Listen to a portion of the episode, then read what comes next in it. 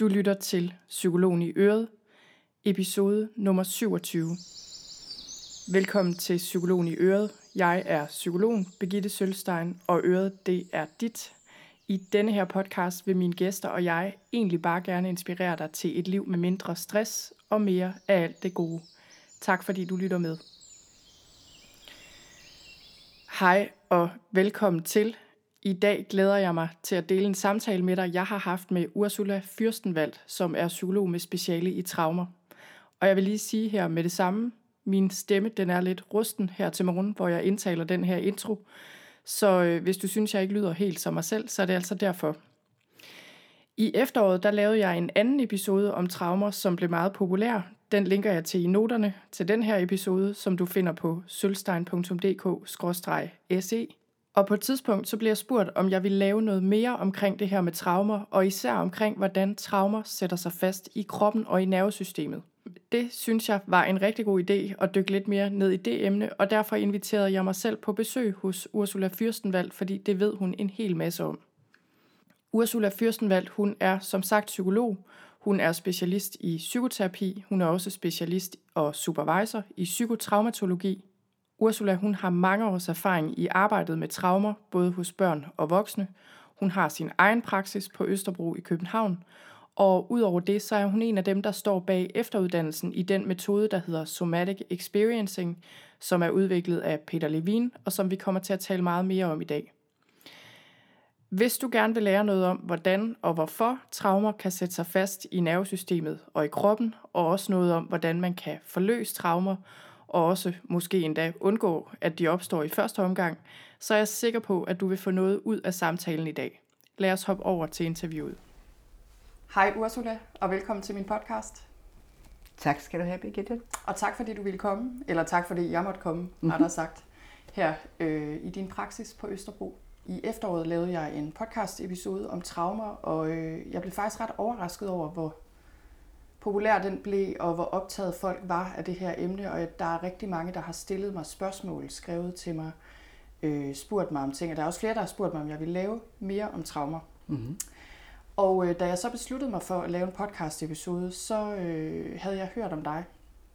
Faktisk fordi jeg på et tidspunkt selv havde sådan researchet på psykologer, jeg eventuelt selv kunne gå til.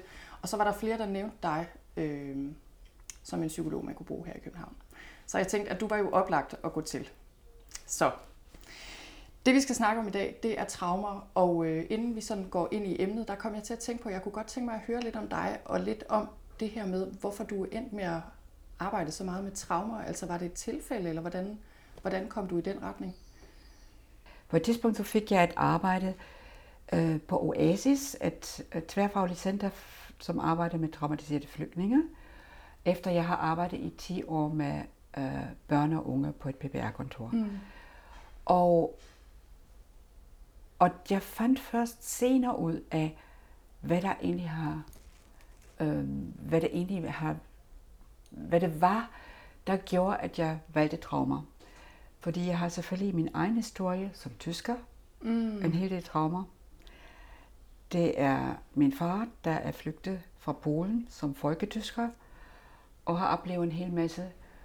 Og min mor, som som øh, øh, hvis far har været na- nazist mm. og var krigssavne, så hele mit barndom kiggede vi altid i avisen, når man kommer, og man dukker op, eller et eller andet, om de navne, når de har fundet nogle mennesker, eller nogle, øh, åbnet nogle grave, eller et eller andet.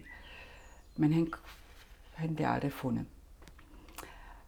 Og, øh, og jeg tror, det var sådan ubevidst, at jeg fik den der traumetiltrækning. Ja. Og på et eller andet tidspunkt, så blev jeg fascineret af det. Men på det tidspunkt, jeg startede i Oasis, så var det absolut ikke populært at have noget med trauma at gøre. Folk sagde til mig, mig er du tosset? Mm. Hvorfor vil du beskæftige dig med sådan noget som trauma, som bare bringer dig i en situation, at du bliver helt øh, ødelagt af det selv? Mm. Ja. Altså det her med, at det er hårdt at arbejde med selv, fordi det på en eller anden måde smitter, eller man selv kan blive påvirket af det. Var lige det præcis. Det? Ja. Lige præcis. Og traumatiserede flygtninge er jo mest dem, der også har været udsat for tortur. Ja.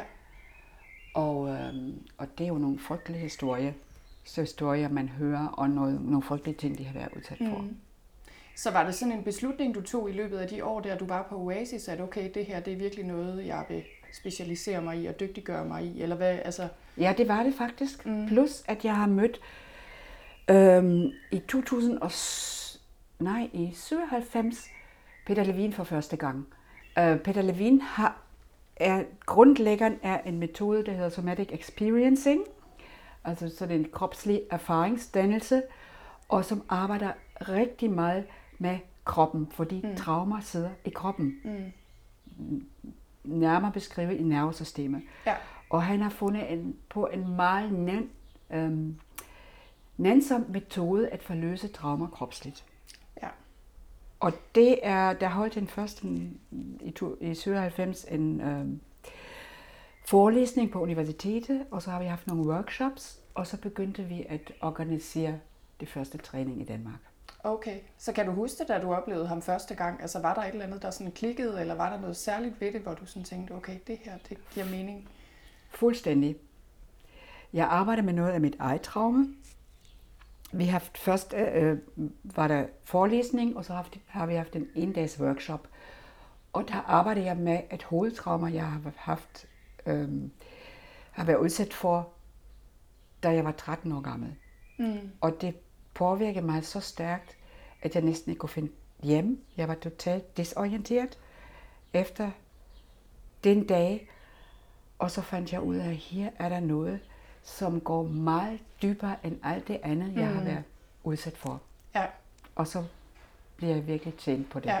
For jeg har aldrig kædet mig i alle de år. Nej, det er meget interessant, fordi jeg kommer lige til at tænke på, når du siger det, det der med de, de der sådan aha-oplevelser, man kan mm-hmm. have med mhm. nogle ting. Ikke? Mm-hmm. Jeg synes også tit, at altså, der er jo meget, der er spændende i psykologien. Ikke? Man kan blive optaget af alt muligt, men, øh, men det der med, når man har de der dybe aha-oplevelser, det, sådan synes jeg også, det har været for mig selv som psykolog, at det er jo der, hvor man har været igennem en eller anden proces, der sådan virkelig har forandret noget på et dybt plan. Ikke? De de ting, man så bliver optaget af.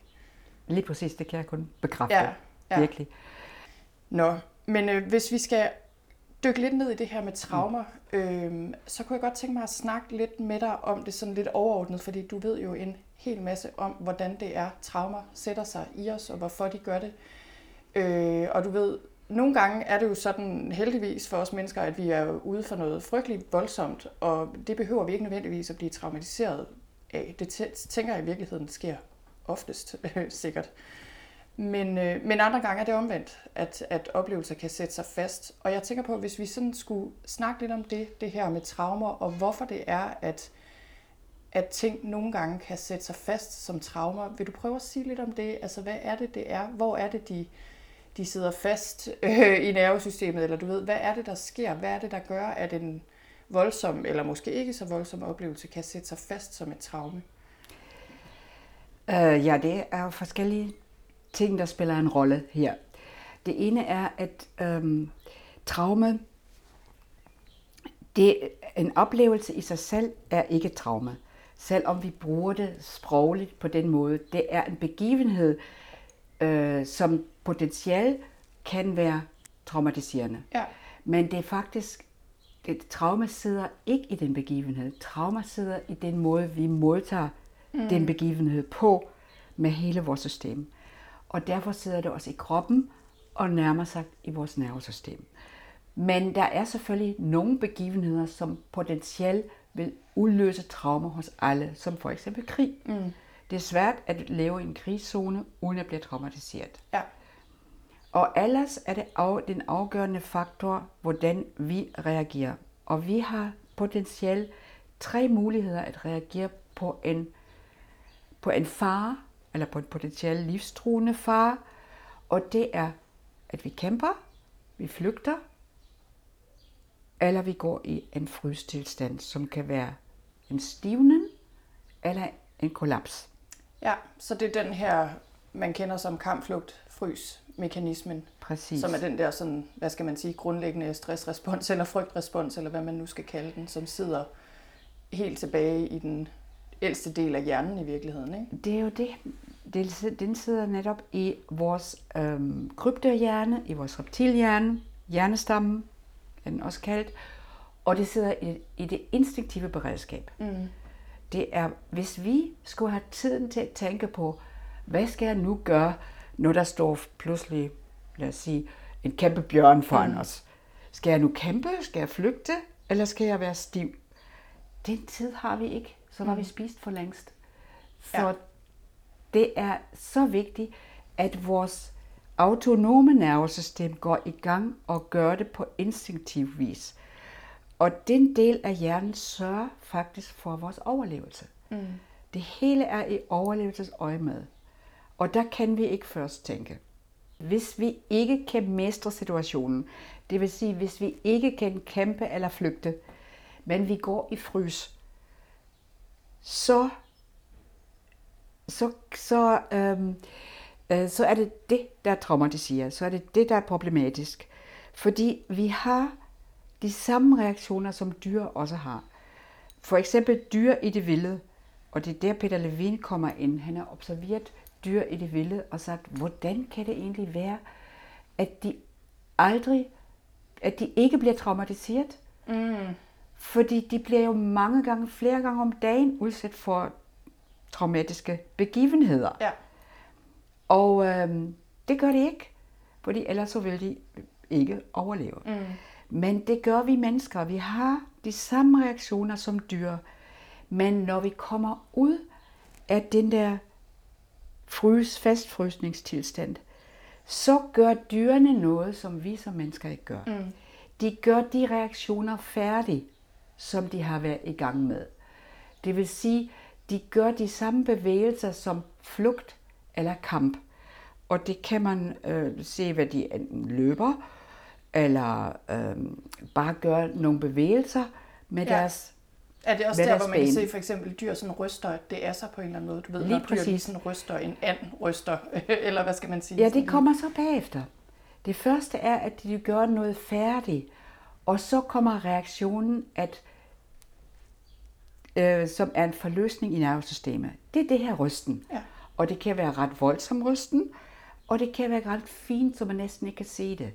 Det kan være også pludselig kommer der varme indenfra, mm. eller øjnene begynder at blinke, eller nogle bølger går igennem vores krop. Mm. Og det er nogle forløsningsreaktioner, som vi på engelsk kalder discharge. Det er sådan, det fungerer, og det gør vi mennesker ikke. Nej. For, hvorfor gør vi ikke det? Fordi så kommer vi pludselig ud af denne her øhm, instinktive tilstand, den frysetilstand, som er udløst af kryptohjernen. Men så kommer angsten i. Ja. Og angsten gør, at vi undlader at gøre noget af det færdige, vi har været i gang med. Mm. Og derfor er det også sådan, kernen i det er, at vi prøver at øhm, løse angsten fra immobiliteten, fra fastfrysningen. Ja. Det er afkoble, kalder vi det i ja. det sprog. Ja, og jeg tænker, er det ikke tit meget ubevidst det her? Altså det er jo ikke nødvendigvis noget, man er særlig bevidst om, vel? At det her foregår, når man har været ude for noget voldsomt. Absolut ikke. Nej. Men des mere, problemet er, des mere øhm, man bagefter bare går i gang med nogle ting, og så sætter sig symptomerne sig i nervesystemet. Ja. Og vi får rigtig mange symptomer på alle de eksistentielle niveauer. Ja. Kan du prøve at sige lidt mere om det, hvordan det føles? Altså, det kan sikkert føles eller opleves på mange forskellige måder, ikke? eller sætte sig på mange forskellige måder, men kan du prøve at sige lidt mere om, okay, hvordan, hvordan er det, det opleves indenfra, hvis man er afkoblet, eller du ved, ikke længere ligesom i kontakt med de her impulser, og angsten bare har sat sig fast? Ja, altså man kan enten, øhm, så har man for eksempel nogle trigger, som er fuldstændig ubevidst som mener om noget af den samme situation. Mm. Altså du mener indre trigger, Ydre, eller hvad? Eller ydre trigger. Eller ydre. Det kommer ja. an på begivenheden, der har udløst det. Men øhm, øhm, så lige så snart man kommer i noget af den samme situation, så kan man enten have nogen, få nogle symptomer, der går mere i den stive retning. Ja. Så man, man stivner og bliver bange eller får panik angst, ja. bliver rasende af vrede, eller øhm, det, eller man får smerter og øh, får enormt meget ubehag i kroppen. Det hele foregår selvfølgelig også på det følelsesmæssige. Eller det omvendte, at vores system har lukket så meget ned, så vi får faktisk øh, mere sådan, vi gider ikke noget mere, vi kobler fra, vi dissocierer, Ja. som, øh, som er sådan en slags fraspejling, Ja. eller vi bliver depressiv, eller øh, vi bliver hele tiden trist. Depression ja. kan komme derfra. Så øh, vi har symptomer ofte, som enten er kommer fra noget, der hedder hyperarousal, altså hvor, er, det, hvor det, det alt er alt for meget, eller hvis der kommer endnu mere belastning på, så er det ligesom om vi har en dampkoger, hvor ventiler er gået i stykker. Den eksploderer, Mm. og alt falder i tusind stykker, som et puslespil, man kaster op i luften. Så hænger vi ikke sammen længere. Så Ja. er vi fuldstændig øhm, fraspaltet fra hinanden. Og der har vi de der depressive triste Ja. tilstande og frakobling. Ja. Ja, så det er enten sådan, øh, altså den der hyperarousal, altså det der med, at nervesystemet står sådan helt Hyper, hyper og i hype på. 10. gear, ikke? Ja, Mhm. mm-hmm. eller også, at man lukker helt ned i virkeligheden ja. og ikke kan mærke sig selv. Og jeg kommer til at tænke på, når du siger det her, det er den der følelse af, øh, altså jeg kender det jo også selv, at øh, jeg får sådan et billede af, at det er jo faktisk livsenergien på en måde, man kommer ud af kontakt med, eller den der sådan naturlige måde, kroppen reagerer på i alle mulige sammenhænge, og ens følelser og sådan fysiske fornemmelser, ikke? at dem kommer man på en eller anden måde ud, ud af kontakt med. Øh, det synes jeg er en meget god, altså ligesom det der, du- siger, frakobling. Det er faktisk mm. et rigt, en rigtig god beskrivelse af, mm. hvad, det, hvad der sker. Ikke? Ja, og så er det sim- simpelthen, øhm, vi mister vores evne til at selvregulere, som er en naturlig evne. Vores krop, alt det, vil gerne komme i sådan en regulering igen, men vi bliver stiv i enten den ene eller den anden position. Og det er traume, det, det indkapsler noget fra den gang, og så, så får vi nogle stivende symptomer, der ikke kan, der ikke der kommer ud af bevægelse og ud af og spiser al vores liv, livsenergi. Ja, og jeg synes bare, at den her måde at snakke om det på, altså som noget, der foregår i kroppen og nervesystemet, Mhm. mm-hmm. det giver utrolig god mening. Mm-hmm. Fordi det er jo, øh, ja, den måde tænker jeg også, mange oplever det på. Ikke? Altså det her med, at det sidder virkelig i kroppen, og det er ikke noget, vi nødvendigvis er særlig bevidste om, og det har ikke så meget at gøre med, hvad vi synes, eller mm-hmm. du ved, hvad, hvor kloge vi er, eller hvor mange bøger vi har læst mm-hmm. om traumer for den sags skyld. Ikke? Ja. Altså man kan ikke Ja. ja. ligesom øh, læse sig ud af et traume, skulle jeg lige til at sige, desværre. Øh, det, det er et helt andet plan, det her foregår på. Ja, og det, og det er derfor også, det opleves jo. Man kan forestille sig det, tænker jeg, hvad der sker i nervesystemet, hvis det bliver festfrosen i nogle, i nogle bestemte tilstande. Tænk på, nu bor jeg jo tæt ved Lyngbyvej, øh, tæt ved Hans Knudsens plads, og hvis man kommer, bor nordpå, Nordkøbenhavn, og kommer ind med en bil, og der er de der slanger af biler, og man tripper i bilen og tænker, jeg skal være klokken 9 øh, et sted, lad os sige, øh, hos mig for ja. Eksempel. Ikke? Nu bor jeg så tæt på. Så er det, og klokken det nærmer sig 9, så er det simpelthen, at vi begynder at trumle. Vores blik bliver mere og mere stiv. Vi fokuserer på ham, der er foran. Kan han ikke køre lidt hurtigere? Mm. Kan han ikke komme lige igennem det her lyskryds? Det ene og det andet. Alle vores sanser, de bliver, vi får, de bliver stivende. Vi får tunnelsyn. Og sanserne bliver meget, meget, meget stiv. Vi fokuserer kun på én ting, og så kommer vi igennem Hans Knudsens plads, og så åbner det hele sig, og pludselig kan vi se, fantastisk vejr i dag. Fuglene, de, de synger, Ja, og alle sanser åbner sig. ja, Og det er den der regulering fra, at vi, vi, vi bliver stiv og gør os klar til at komme den, igennem den situation, indtil vi er kommet over en vis øh, anspændingsbelastningspunkt, så slapper nervesystemet af. Ja. Og alt åbner sig, og vi kommer i ro igen og kan gøre nogle ting. Ja. Ja, du har sådan her ved siden af, der har du den her model, som øh, jeg kan måske lige lave en video, som jeg også kan lægge sammen med, øh, med lyden her, men øh, som viser det her med, hvordan nervesystemet trækker sig sammen og udvider sig igen. Og det, der så vil ske, øh, det er jo, at man kan komme til at sidde fast der, hvor nervesystemet ligesom har trukket sig sammen. Lige præcis. Og bevidstheden er indsnævret, og det hele er stivnet. Det er vel det, der er problemet, at den der Problemet- naturlige åbning ikke sker igen. Problemet er, at hvis man er traumatiseret, det var så det næste, jeg skal sige, hvis man er traumatiseret, eller også lever i en meget høj stresstilstand, så sker det ikke på den måde, at man, at man, øh, at ens nervesystem bliver sådan aktiveret, kalder vi det, går opad, og alt bliver anspændt, og så bliver det afspændt igen, ja. når det er over. Det bliver hængende, og en ting er, at det bliver ofte meget nemt og meget hurtigt aktiveret. Ja, Et lille stimulus er ofte nok, og så bliver man hængende i den tilstand ja. derop. Og det er det, som på sigt også kan påvirke hjernen negativt. mm, ja, Og det er der, langtidstraumatisering er så skadeligt for hjernen ja, og påvirker alle, mange hjernefunktioner. Også i neokortex, også i den øverste del af vores hjerne, som er vores Ja. ja. tænkehjerne. ja, så det bliver den der langvarige stress, som virkelig Præcis. begynder at påvirke os kognitivt. Altså, jeg kommer lige til at tænke på, hvis jeg skal bruge et eksempel fra mit eget liv, nu er det jo det eneste liv, jeg har, personligt i hvert fald, at øh, jeg kan virkelig skrive under på den her proces, hvordan det fungerer, fordi jeg har selv oplevet øh, sådan meget svære situationer. Jeg har et barn, som, øh, hvor vi med jævne mellemrum i årvis havde sådan meget akutte situationer, du ved, der krævede indlæggelser. Det var sådan nogle virkelig jamen, traumatiske oplevelser. Men jeg havde den der oplevelse af, at selvfølgelig blev jeg redselslagen, og det var frygteligt, og så var vi på hospitalet.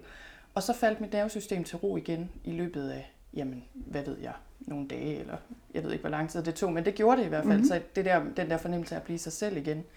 Men så kom der et punkt øh, efter nogle år, altså der skulle åbenbart mange gange til, hvor lige pludselig, så kunne jeg godt mærke, øh, efter en af de der indlæggelser, så kom jeg bare ikke ned igen helt. Og, øh, og så kom der en indlæggelse igen, du ved, og så var det virkelig den der fornemmelse, præcis som du beskriver, at okay, nu sidder mit nervesystem bare lidt fast heroppe i det her ret så høje gear. Og det er ligesom om, jeg har mistet evnen til faktisk at komme ned igen. Og det er et problem, ikke? Efter det blev jeg også altså, ramt af angst for første gang. Øh, Ja. og det havde jeg ellers overhovedet ikke haft i forbindelse med alt det her. Og det er bare, jeg tænker bare, det er et meget godt eksempel på det her med, at, at tit så kan vi godt klare virkelig slemme ting, ikke? Øh, og, og kroppen kan regulere tilbage igen, men så kommer der åbenbart et punkt for os alle sammen, øh, alt efter hvordan vi er skruet sammen, hvor, hvor så kan man ikke længere, og så sker der bare noget helt andet. Lige præcis. Og det er der, hvor det er svært at finde sin naturlige balance igen. Og det er der, vi hjælper med den der metode med somatic experiencing, at man kommer i balancen igen, og man lærer selvregulering. Der er nogle øvelser, det kan jeg jo vise dig et eksempel lidt senere Ja. på. Nogle meget enkle øvelser faktisk, så man kan begynde at regulere sin krop igen og komme ud af den der højaktiverede tilstand. Ja, Derfor er det også for eksempel, lægger du mærke til, at jeg taler meget langsomt. Det betyder, at nervesystemet har brug for langsomheden. mm. Nervesystemet, man skal forestille sig det, i hvert fald to af grenene af nervesystemet, de, har, de er ikke myeliniseret. Det betyder, at de har ingen isolationslag. Så derfor sker tingene på en helt anden måde. Det alt sker meget langsommere. ja, Og, og vi, skal, øhm, vi skal begynde at gøre tingene på en mere langsom måde, mm. så det kan være integreret. Ja, så jeg får sådan, og det kan jeg igen selv skrive under på, men også mange af dem, jeg møder, det der med, at der er forskel på det tempo, sindet ligesom har, altså det bevidste mm. sind og tankerne og så videre, og så resten af kroppen, der bare befinder sig et helt andet sted.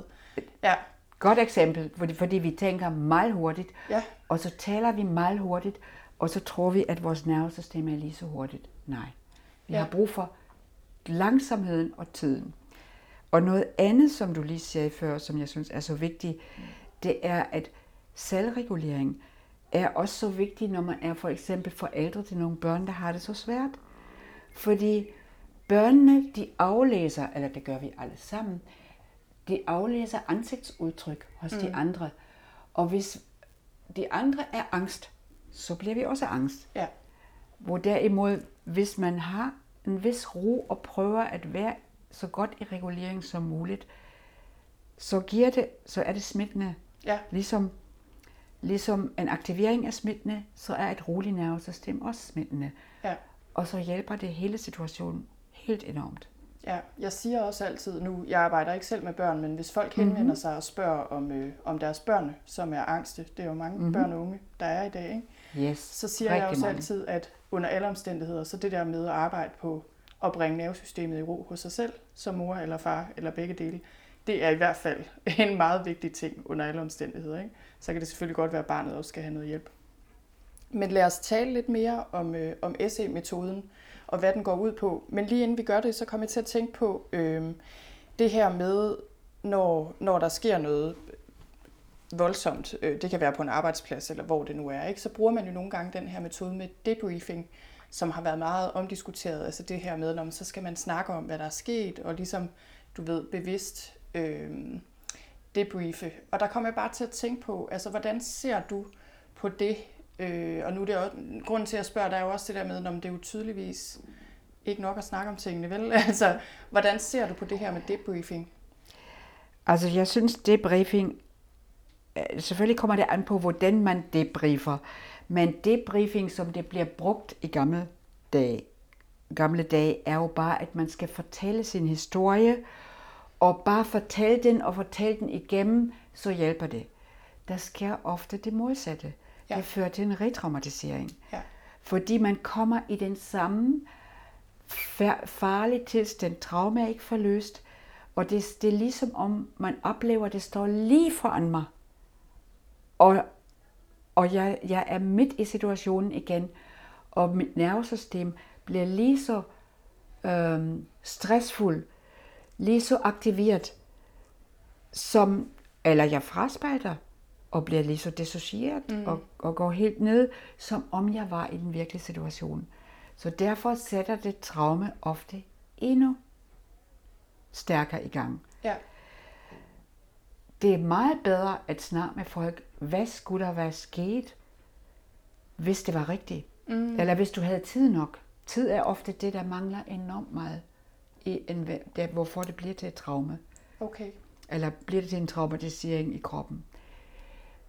Så øh, det debriefing, hvad talte igennem, skal man helst ikke bruge. Men ja. man skal begynde at arbejde med noget, der hedder sikkerhed. At folk kan mærke og registrere, at de er i sikkerhed nu. Mm. Og sikkerhed er det afgørende. Ja. Jeg har en lille, et lille eksempel med mig selv. Jeg har haft et cykelstyrt i, i lørdags. Det var meget lille, en meget lille begivenhed. Jeg kom fra Søndermarken og skulle ud af Søndermarken, og så øh, var jeg på cykel. Jeg var enormt langsom, det var det sidste stykke, og jeg kiggede sådan lige, kom forbi nogle mennesker, og så var der en, der løb foran mig, der var fra på min højre side. Jeg var meget langsom, der var plads nok, og pludselig drejer hun til venstre og løber lige ind i min cykel, og jeg vælter. Der skete ikke noget med hende, men jeg ligger der. Det første, der sker, hun er helt højt aktiveret. Der kommer nogle mennesker og siger, hvad skal vi køre? Skal vi gøre noget? Skal vi ringe til nogen? Skal vi alt muligt? Og jeg siger, at det vigtigste er, at jeg siger til hende, jeg får, vi har fået et lomsterklæde, okay, og så lidt ro på, og bliver ved mig. Mm. Så jeg har et menneske, der er der. Skal jeg gøre noget? Skal jeg gøre et eller andet for dig? Nej, siger jeg, bare du bliver her. Mm. Og så mærker jeg, at jeg langsomt faldt til ro, og så begyndte det, at jeg faldt til ro, begyndte det at bløde mm. alle mulige steder. Mm.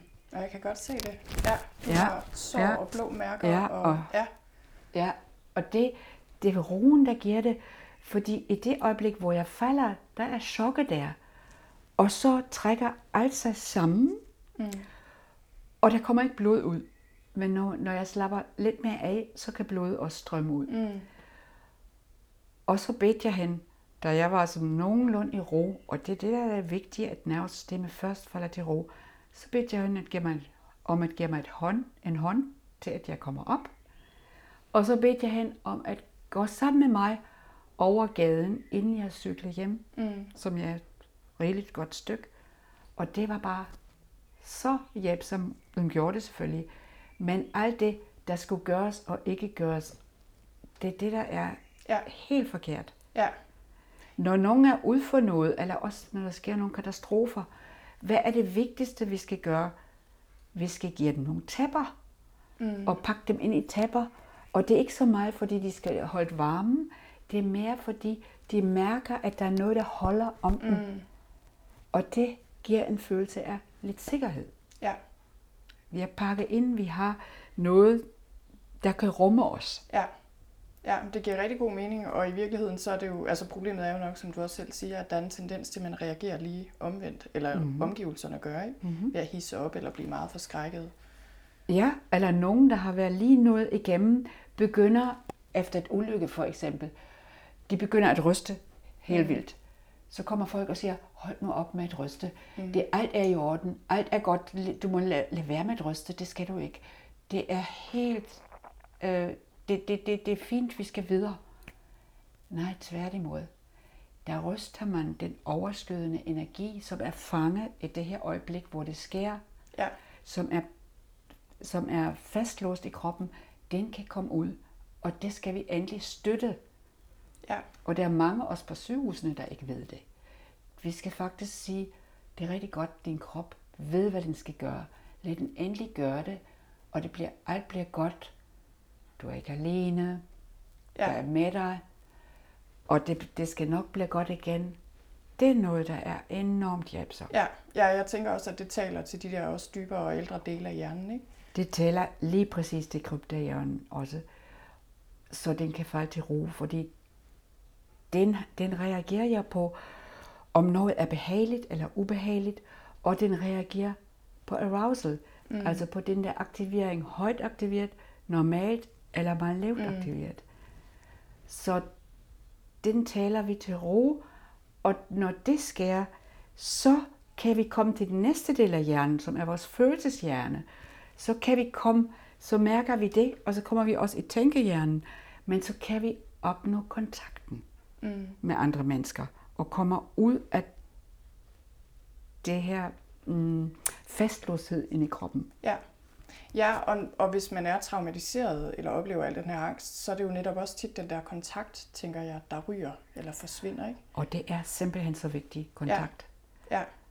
Og der ved jeg ikke, om vi skal tale om lidt om det autonome, autonome nervesystem, fordi det er meget interessant. Ja, lad os gøre det. Øhm, det autonome nervesystem, det har faktisk øh, det har en to grene, det har og i virkeligheden tre grene. Det har den sympatiske gren, som får os, øhm, øhm, som, som, som kan give os stress, i, i, når, når det er meget stresset, men som bringer os også til kamp eller flugt, og som bringer det der høj arousal, men som også giver, at vi er i bevægelse. Mm. Og så har vi det parasympatiske nervesystem, som giver os ro, som sørger for i en afspændingstilstand, for eksempel at vi fordøjer maden, at vi alle processer inde i organerne fungerer godt. Men når det er stresset, så er det det, der sørger for, at vi bliver fastfrosen. Ja. Og det her parasympatiske nervesystem, som er forbundet med, som er den 10. vagusnerve, øhm, det, det, vagusnerven, det 10. kranionerv, den har to grene. Den har den gren, der går ned i kroppen og regulerer det, og så har den en gren, der går opad. Og den forbinder sig med vores muskler i ansigt, hals, også nogle mm. af hjerte, og det bliver det sociale nervesystem. Og det er et system, der giver os sikkerhed og kan regulere os. Ja. Og det er for eksempel et system, øh, der gør, når vi taler nogle til hinanden og har nogle trøstende ord, så bliver vi reguleret, og vi føler os sikre igen. Og det er især vigtigt i mor-barn-kontakt. Fordi babyer, der er født, de har kun de to systemer til rådighed. Det vil sige, de har, kan kun øhm, øh, råbe og skrige og bevæge sig, det sympatiske nervesystem, og så kan de, kan de lukke ned. Mm. Øhm, det parasympatiske nervesystem, hvis, de, hvis, hvis der er noget ubehag. Men det er, de har sådan set hele netværket til det sociale nervesystem er der, men det er ikke udviklet, før mm. de er 35 mm. år gamle. Derfor er det forældrene, især moren, der skal regulere barnet. Ja, så det er i virkeligheden den her regulering af nervesystemet er noget, man lærer man i løbet lærer. af de første år. Yes. Ja.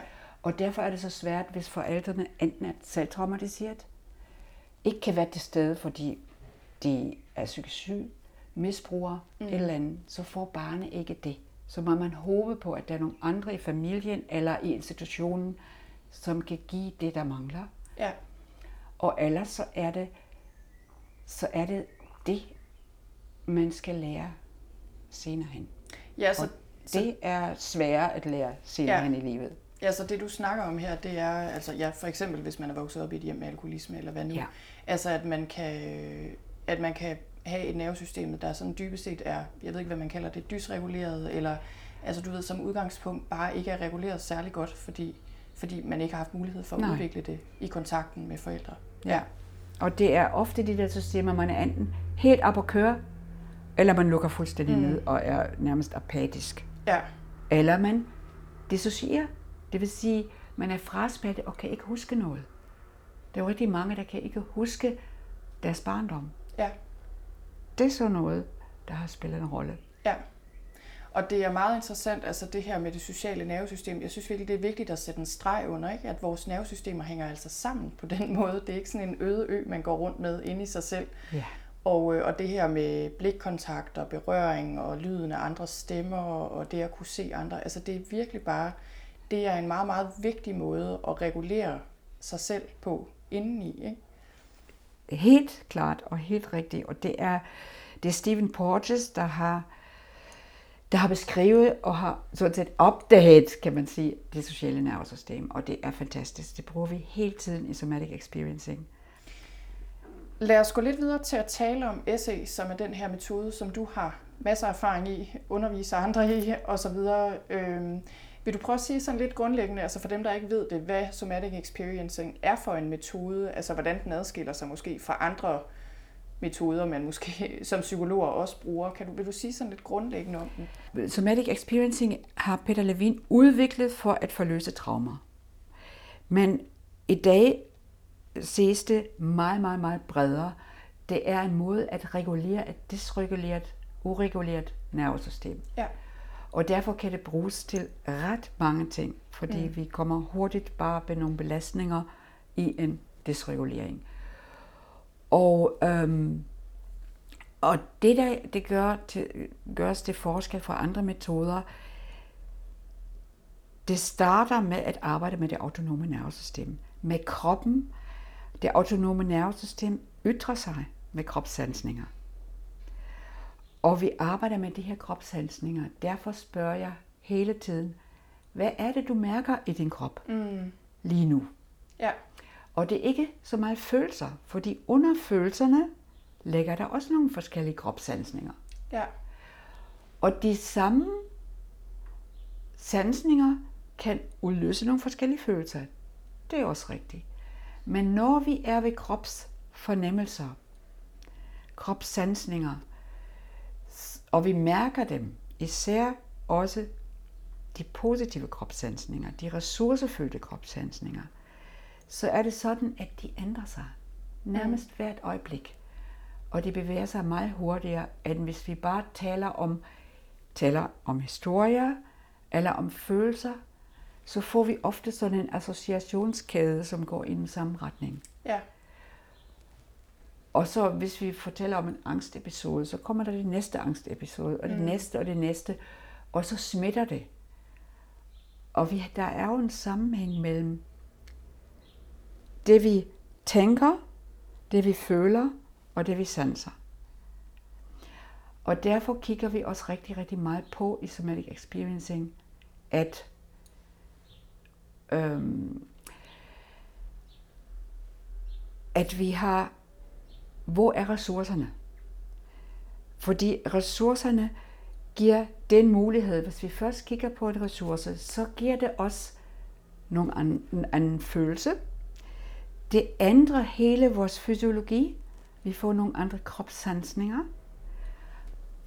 Og så ændrer tankerne og betydningen sig. Mm. Ja, så det er sådan så lidt den omvendte rækkefølge af, ja. hvad vi måske normalt er vant til at tænke, ikke? at når vi skal tænke noget andet, og så får vi det anderledes, hvilket jo også er rigtig sikkert i mange tilfælde. Det er det også. Det tager bare meget langsommere. Ja. For, fordi informationen går meget langsommere nedad. Hvis du, hvis, det, det er helt fantastisk i virkeligheden. Uh, vi har nogle nervebaner, der giver hjernen information om, hvordan kroppen har det, og så har vi nogle nervebaner, der giver kroppen informationer fra hjernen. Mm. Og det er de afferente nerver, der giver kropsinformationer til hjernen. Det er 80 procent. Mm.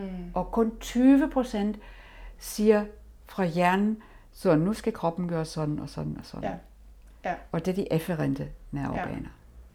Det er meget interessant, og jeg synes, øh, noget, lige nu er jeg ved at producere et forløb øh, til mennesker med angst, og det er også noget af det, jeg prøver at understrege det her med, hvor meget af den mentale aktivitet, vi har, der ligesom bare er et produkt, kan man nærmest sige, ikke? af det, der foregår i kroppen. Yeah. Så derfor kan det også være en god idé, ikke altid at hænge sig så meget i, hvad man tænker, hvis man kan sige det på den måde. Nogle gange kan det være en god idé at se det på den måde, også for at kunne give slip på mm-hmm. det tankemøller, man mm-hmm. har, øh, og alt det, der foregår sådan på et intellektuelt plan. Så kan du prøve at beskrive, hvad, der, altså, hvad det er, der så sker i kroppen under den her forløsning? Altså, hvordan opleves det typisk, eller hvordan ser det typisk ud, når man så kommer ud af den her ja, fastfrosne tilstand? Øh, ja, altså fastfrosne tilstand, skal man lige huske, den er der jo ikke altid. Nej. Man kommer noget normalt, og først når der er noget, der ubevidst mener om traumet, øhm, man kan komme i den der stivende tilstand. Mm. Og øhm, øhm,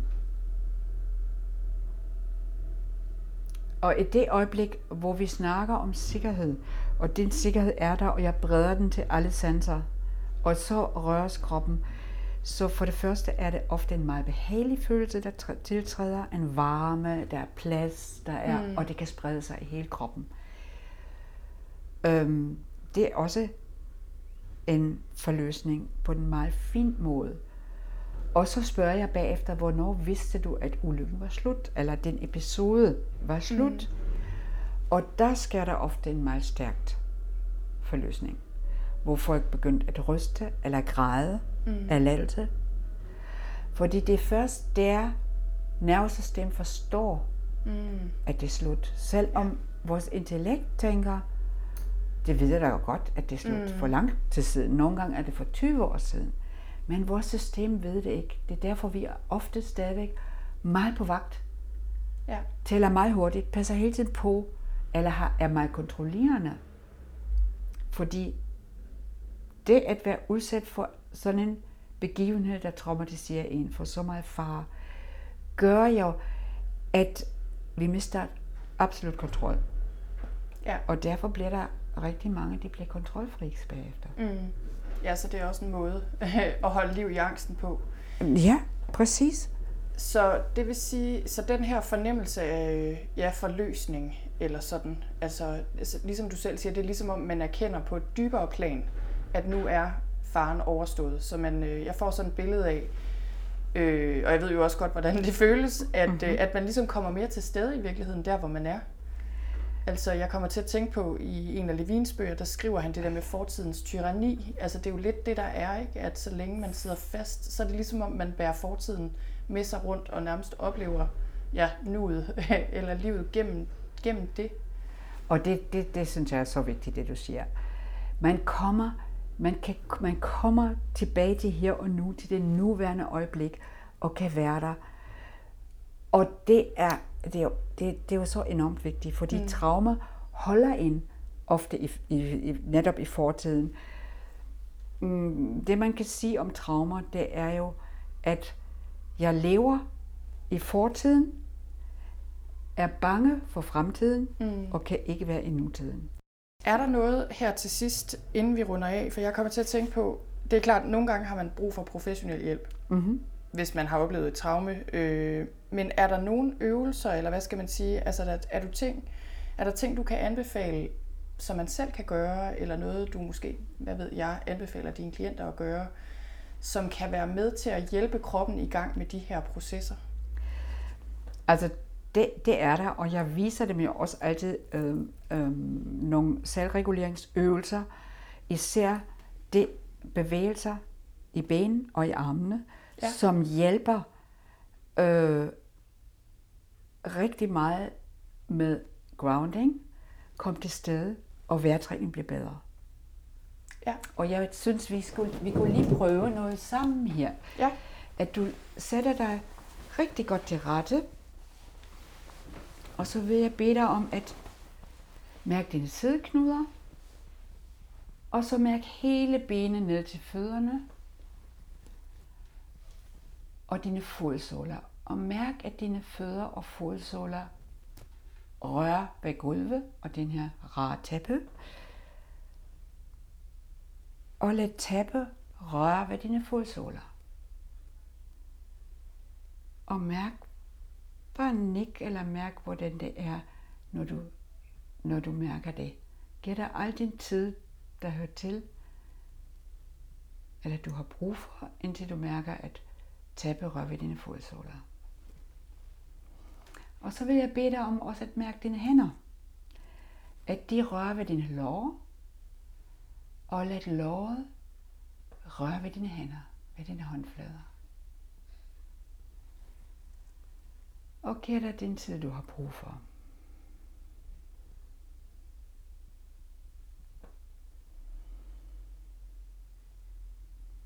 Og hvad, opdager du så i kroppen?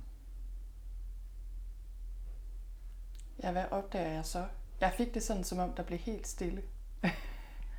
altså ja. inde i mig, eller uden omkring mig. Jeg ved ikke helt, hvad det var. Ja, og der kommer en utroligt ro, ja. og hele nervesystemet sætter sig ned. Det er den mest enkle måde at blive reguleret på. Vi lever i en gensidig proces med vores omverden. Det vil sige, jeg rører ved gulvet, og gulvet rører ved mig. Mm. Og jeg rører med mine hænder på mine lår, og mine lår rører ved mm. mine hænder. Og den proces vækker noget, man kalder gamma motorneuroner, som giver en værenstilstand frem for en gørenstilstand, mm. som vi ellers er altid i det der alfa-gørende tilstand. Ja. ja, det er helt klart det skift der. Det kan man godt mærke. Ja, og det sker faktisk med alle vores sanser. Hvis vi er bevidst omkring, at vi ser ud og ser et billede, men vi kan også lade billedet komme til os. Mm. Vi hører fantastisk musik, og lad det komme til os. Vi smager den der lækre mad og dufter den, og lad det komme til os. Mm. Og det giver en helt anden fornemmelse, og vi bliver udfyldt indenfra på en anden måde, og det er nemmere at være med sig selv og i sin krop. Mm. Når vi gør det ofte nok. Ja. Okay. Det var en god øvelse. Og meget enkel. Meget enkelt. Det er utroligt så lidt, der skal til. Ja. sidder jeg lige og tænker. Det synes jeg er et rigtig godt sted at slutte af på. Tusind tak, fordi jeg måtte komme på besøg. Det var rigtig spændende. Det var en fornøjelse. Tak. Og det var alt for i dag. Hvis du gerne vil vide mere om Ursula og hendes arbejde, kan du læse mere på hendes hjemmeside på seterapi.dk, som jeg linker til i noterne til episoden her, som du altså finder på min hjemmeside på sølvstein.dk-se. På traumehealing.dk kan du læse mere om kommende arrangementer i Danmark med Peter Levin. Han kommer til København her den 19. og 20. juni, altså lige om lidt. Og på traumahealing.dk, der kan du også læse mere om en 3-dages workshop, som Ursula afholder til november, som er en intro-workshop til den 3-årige efteruddannelse i Somatic Experiencing. Inde på noterne til episoden her, der kan du også se en video med Ursula, jeg har lavet, hvor hun viser en model for nervesystemet og hvordan det har evnen til at trække sig sammen og udvide sig, og også hvad der sker, når den her naturlige evne forstyrres. Så vil jeg også lige nævne her til sidst, at hvis du gerne vil lære mere om traumer og lære mere om Peter Levins arbejde, så kan jeg virkelig anbefale, at du læser nogle af hans bøger. Han har skrevet en bog, blandt andet, der hedder Den tavse stemme, og en anden bog, der hedder Traume og hukommelse. Og det er altså to bøger, der står på min hylde herhjemme, og bøger, som jeg vender tilbage til igen og igen. Og jeg synes, de er skrevet i et sprog, så de fleste kan være med. Det var alt for i dag. Tusind tak, fordi du lyttede med. Jeg håber, du blev beriget og inspireret. Vi høres ved.